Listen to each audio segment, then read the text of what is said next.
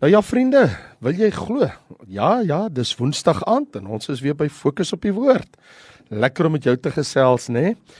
As ons maar net by die woord van die Here ons kan skaar, dan doen dit aan ons siele goed. So ek lees vir jou in Johannes hoofstuk 7 vanaf die 40ste vers. Baie van die skare het toe hulle die woord hoor gesê: Hy is waarlik die profeet. Ander het gesê hy is die Christus. En ander het gesê kom die Christus dan uit Galilea? Het die skrif nie gesê dat die Christus uit die geslag van Dawid kom en uit Bethlehem, die dorp waar Dawid was nie? Daar het toe verdeeldheid onder die skare gekom oor hom. En sommige van hulle wou hom gevangene neem, maar niemand het die hand aan hom geslaan nie. Die dienaars kom toe by die owerpriesters en die fariseërs en die sê vir hulle: "Waarom het julle hom nie gebring nie?" Die dienaars antwoord: "Nooit het 'n mens so gespreek soos hierdie mens nie." En die fariseërs antwoord hulle: "Julle is tog ook nie mislei nie? Het iemand uit die owerstes in hom geglo of uit die fariseërs? Maar hierdie skare wat die wet nie ken nie, is vervloek." Nikodemus, hy wat in die nag na hom gegaan het, wat een van hulle was, sê vir hulle: Oordeel ons wet die mens sonder om eers te hoor en te weet wat hy doen? Hulle antwoord en sê vir hom: Jy is tog nie ook uit Galilea nie? Ondersoek en sien dat geen profeet uit Galilea opgestaan het nie en elkeen het huis toe gegaan. Daar kom toe 'n verdeeldheid onder die mense oor Jesus Christus. Vriende, ons reis deur die Johannes Evangelie bring ons hier by 'n plek waar ons sien daar groot verdeeldheid heers. Ons het vroeër gesien die moment toe Jesus opstaan tydens die fees en hy roep uit want dis ons wat gebeur het 'n paar verse van tevore. As iemand dors het, laat hom na my toe kom en drink. Hy wat in my glo, soos die skrif sê, strome van lewende water sal uit sy binneste vloei. Watter effek het hierdie merkwaardige stelling van Jesus gehad op diegene wat dit gehoor het? Wonder ek en jy. Of watter effek het ook hierdie woorde op my en jou lewe? Jy sien in ons geleesde gedeelte in die Bybel, en dis hoe ons dit het, is daar groot verdeeldheid. Groot verdeeldheid tot gevolg. Hoekom? Want ons sien dit in die reaksie van die mense, die skares, almal wat na hom kom luister het, die man op straat. En dan sien ons dit in die reaksie van die leiers van die volk. So wat ons hier duidelik sien uit hierdie gedeeltheid is verdeeldheid. Wil ten eerste met jou praat oor die verdeeldheid wat daar bestaan het. Jy sien Christus se dramatiese verklaring. Die feit dat hy sê as iemand dors het, laat hom my toe kom en drink, het onmiddellik verdeeldheid onder die skare gebring. Want vers 40 sê baie van die skare is 'n groep van hulle. Toe hulle die woord hoor, toe sê hulle hy is waarlik die profeet. Maar dan hoor ons ander weer het gesê hy is die Christus, hy's die Messias. En dan is daar 'n derde groep en hulle sê maar kom Christus dan uit Galilea uit? So Jesus se gehoor is onmiddellik verdeel in verskillende opinies van mense heens Jesus. Jy sien, ons het sopas gesien, sommige sê hy is waarlik die profeet. Nou wanneer jy dit lees, hy is waarlik die profeet in die Nuwe Testament of is hy die profeet? Dan gryp dit terug na Deuteronomium hoofstuk 18 daar waar Moses verklaar het vers 15 en vers 18 van Deuteronomium 18 'n profeet uit jou midde uit jou broers soos ek is sal die Here jou God vir jou verwek. Na hom moet jy luister 'n profeet sal ek vir hulle verwek uit die midde van hulle broers soos jy is en ek sal my woorde in sy mond lê en hy sal aan hulle sê alles wat ek hom beveel. So hulle was onder die indruk van die skare dat is dit die man van wie Moses gepraat het wat nou gearriveer het. Dis hoekom hulle sê hy's waarlik die profeet waarvan Moses gepraat het. En hulle was korrek want Jesus is dit. Die ander groep sien ons hierso in vers 41 en vers 40 maar hulle sê hy is die Christus. In ander woorde, hy's die beloofde Messias, hy's die gesalfde van God. Ook hulle was korrek. En dan het jy ander weer wat gesê het maar hy kom dan uit Galilea uit. Sê die Bybel dan nie die skrif dat die Christus kom uit die geslag van Dawid uit Bethlehem, die dorp waar Dawid was nie? En hulle was verkeerd. Verkeerd in dat hulle sê hy kom uit Galilea. Hy kom nie uit Galilea nie. Hy het groot geword in Galilea, maar hy is gebore. En dit sien ons in Lukas en Matteus in die stad van Dawid, in die dorp Bethlehem. Maar natuurlik hier is nou 30 jaar later en hulle weet mos nie wat 'n 30 jaar van tevore gebeur nie. En hulle was verkeerd in die sin dat hulle sê hy's uit Galilea. Nee, hy woon tans in Galilea, maar hy is uit Bethlehem. En op grond van al hierdie uh verskillende gebeure, lees ons in vers 43. Daar het toe verdeeldheid onder die skare gekom oor hom. So groot verdeeldheid heers op daardie oomblik onder die mense, hierdie skare mense op hierdie groot feesdag. Nou, ek en jy weet en ons kan dit nie ontken nie dat Jesus se teenwoordigheid in 'n huis of 'n familie of onder kollegas, net sy blote teenwoordigheid op die noem van sy naam kan verdeeldheid bring. Inteendeel, hy het self gesê in Lukas 12 vers 51 tot 53 sê Jesus: "Dink julle dat ek gekom het om vrede op die aarde te gee? Nee, Ek sê vir julle maar eerder verdeeldheid. Want van nou af sal daar 5 in een huis verdeeld wees, 3 teen 2 en 2 teen 3. Die vader sal verdeeld wees teen die seun, die seun teen die vader, die moeder teen die dogter, die dogter teen die moeder, die skoonmoeder teen die skoondogter en die skoondogter teen haar skoonmoeder. Nou, ek en jy verstaan mos dat dis nie iets doelbewuslik nie. Jesus stel hom nie ten doel om huisgenote en geliefdes van mekaar te verwyder en verdeeldheid te saai nie, maar ons weet dat in een huis, in een familie, is daar baie verdeeldheid oor Jesus en dit is wel so dat weens die sondige menslike hart omrede ons gevallenheid as mens, omrede ons onwillige harte om ons te bekeer en te bely en voor die koning van vrede te buig, is daar verdeeldheid in baie huise en families as dit by Jesus kom. Dit laat my dink aan die kontinentskeiding. En daar's 'n paar van hulle in die wêreld. Ek weet nie of jy weet wat dit is nie, maar kom ek verduidelik gou vir die wat nie daarvan bewus is nie. Een van die grootstes van die kontinentskeidings vind ons in Noord-Amerika, die een wat daar uit die noorde uit, ons praat daar van ehm um, Kanada, deurspoel by Colorado verby by die Rockies af onder toe suide toe van noord na suid. Dit is daai hoogliggende berggedeeltes. Wanneer die sneeu op die hoogliggende dele van daardie bergreeks, die Rockies val. Nou lê die sneeu daar dan begin dit mos nou warm word en die son begin weer skyn. En wat gebeur dan?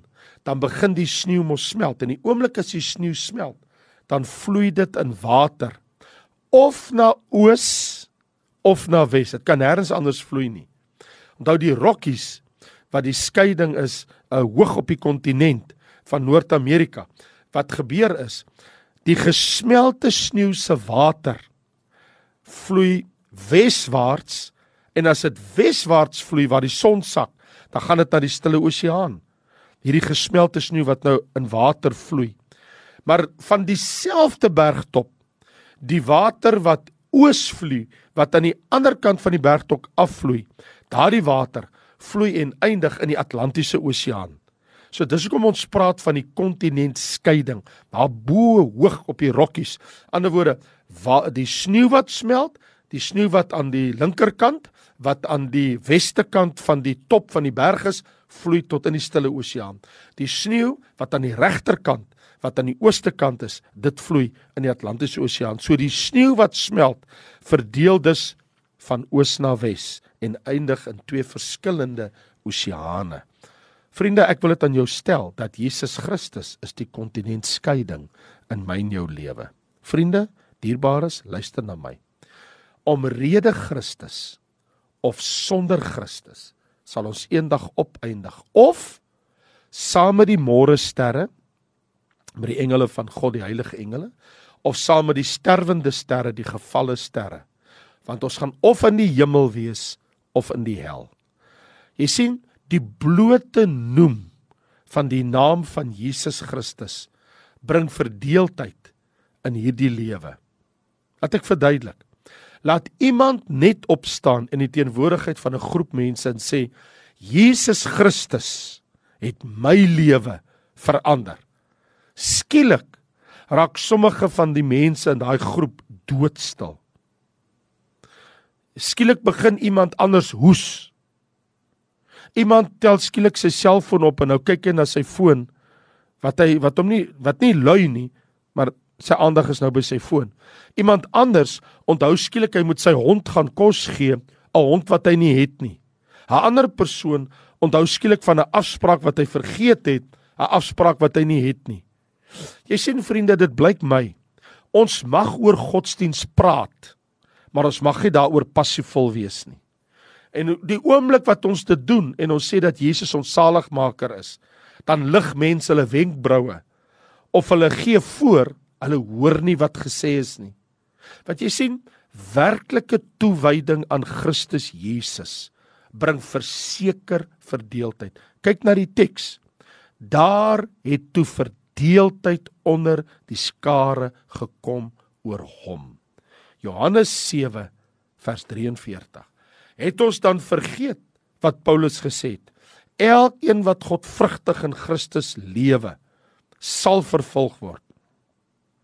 Net omdat Christus gesê het, ek is die lewende water en wie na my toe kom, wie dors het, ek sal vir hom die water van die lewe gee.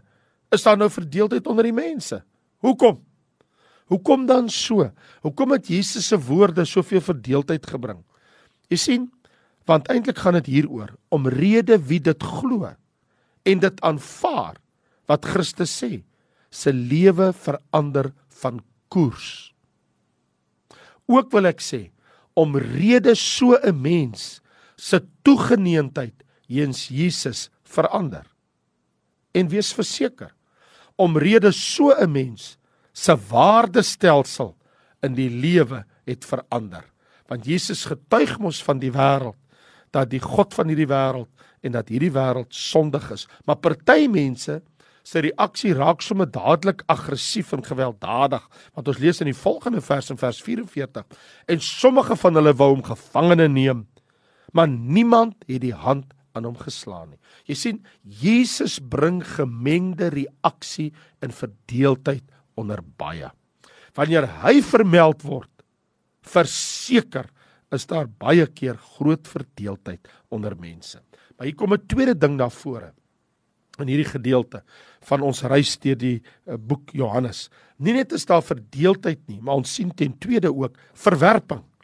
Vers 45 en 46 sê: Die dienaars kom toe by die owerpriesters en die fariseërs en die sê vir hulle: "Waarom het julle hom nie gebring nie?"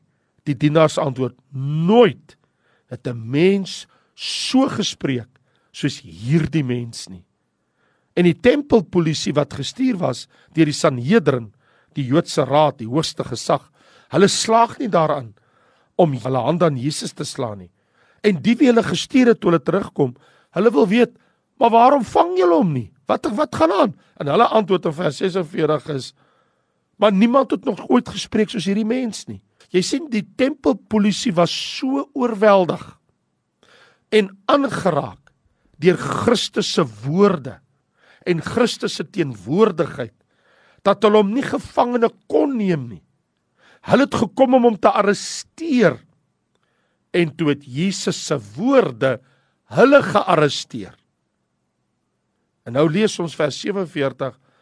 Die Fariseer sê: "Julle is tog nie ook mislei nie? Het iemand uit die owerstes in hom geglo of uit die fariseërs?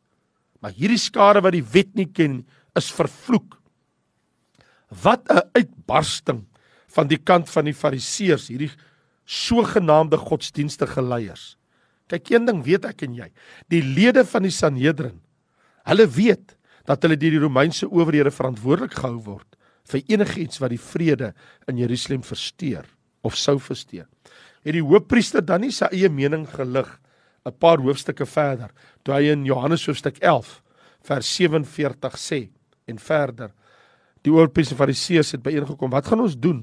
Hierdie man doen baie tekens. As ons hom laat begaan en almal in hom glo sal die Romeine kom ons land en ons nasie albei afneem. En een van hulle Kajafas wat daardie jaar hoofpriester was hy sê vir hulle julle weet niks nie.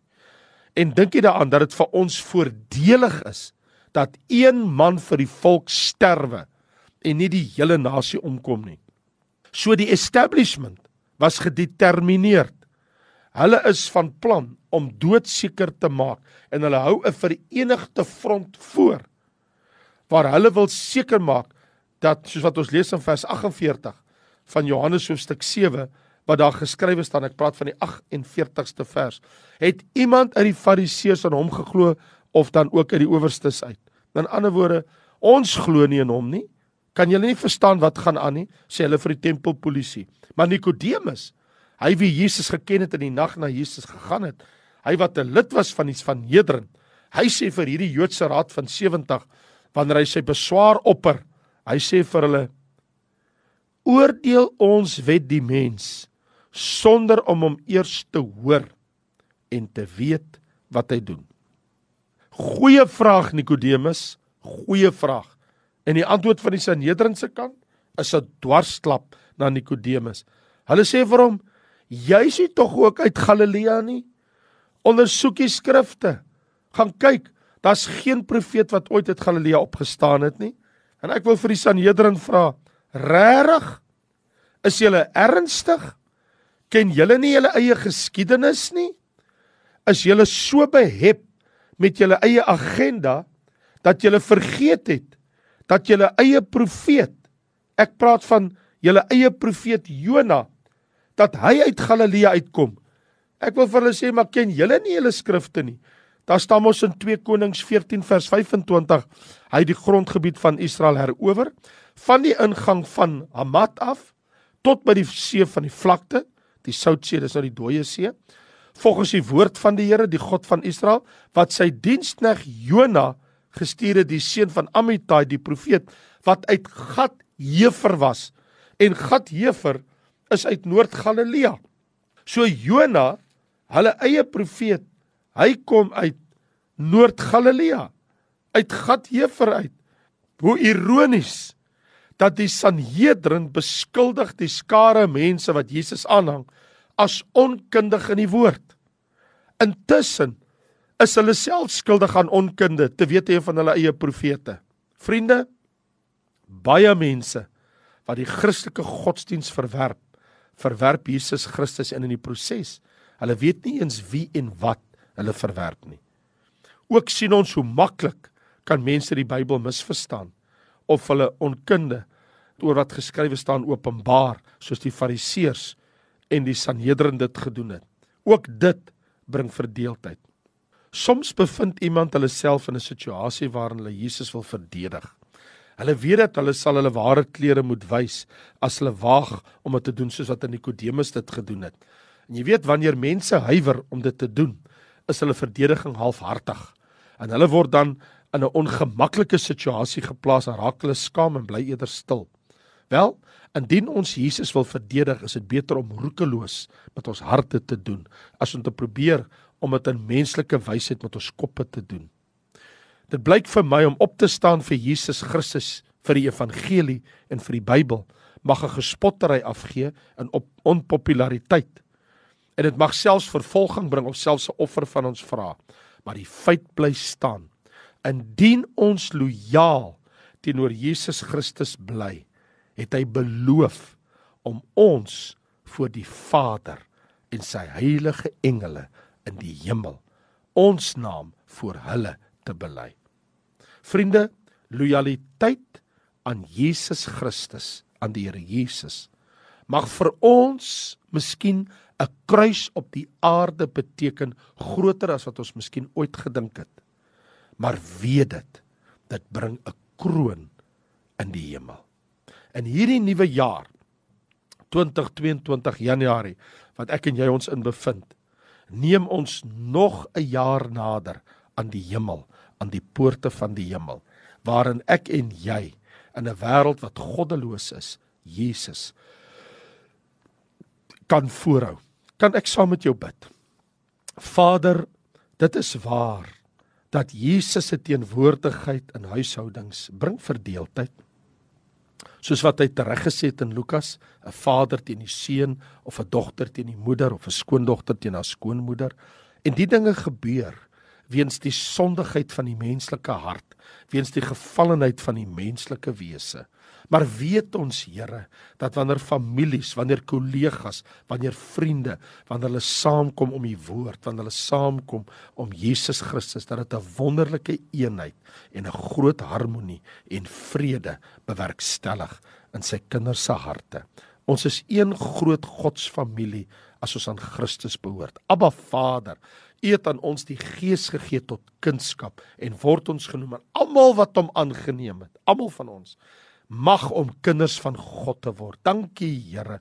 En al bring dit verdeeldheid in sommige huise en by werksplekke onder kollegas in die korporatiewe wêreld of waar ons beweeg, besef ons Here as gevolg van die duiwel daar buite, as gevolg van 'n gesondige wêreld, as gevolg van die gevallenheid van die mens, die sondige booslike menslike hart, is dit onvermydelik dat daar verwerping en verdeeldheid kom. Maar wil ons bid, Here, voeg u kinders saam, bring families saam, verander harte, Here, sodat mense saam hulle om die Here Jesus kan skaar. Mense saam hulle om die woord van die Here kan skaar. Vader, ons bid u seën af op u woord. Vader, ons bid u seën af op ons eenwording as kinders van God en ons eenheid as familie van God. Dankie, Here, dat daar groot vrede onder u kinders heers. Word verheerlik in en deur ons lewe in Jesus naam. Amen. Ja vriende, ek groet vir jou. Ek is Raymond Lombard met jou heerlik gesels hier in die woordtyd. En as die Here wil, dan gesels ons Sondag aand verder want ek moet jou praat uit die boek Hebreërs uit. En volgende Woensdag gesels ons weer hier om in die woord van die Here, om die woord van die Here, ek en jy, dan kyk ons weer verder in die boek Johannes. Seën vir jou, liefde en vrede. Jy's meer as welkom om ons te kom kuier daar by Lewende Woord Gemeente van die Evangelie Kerk, die Tyger in Parow. God seën vir jou. Baie dankie en totsiens.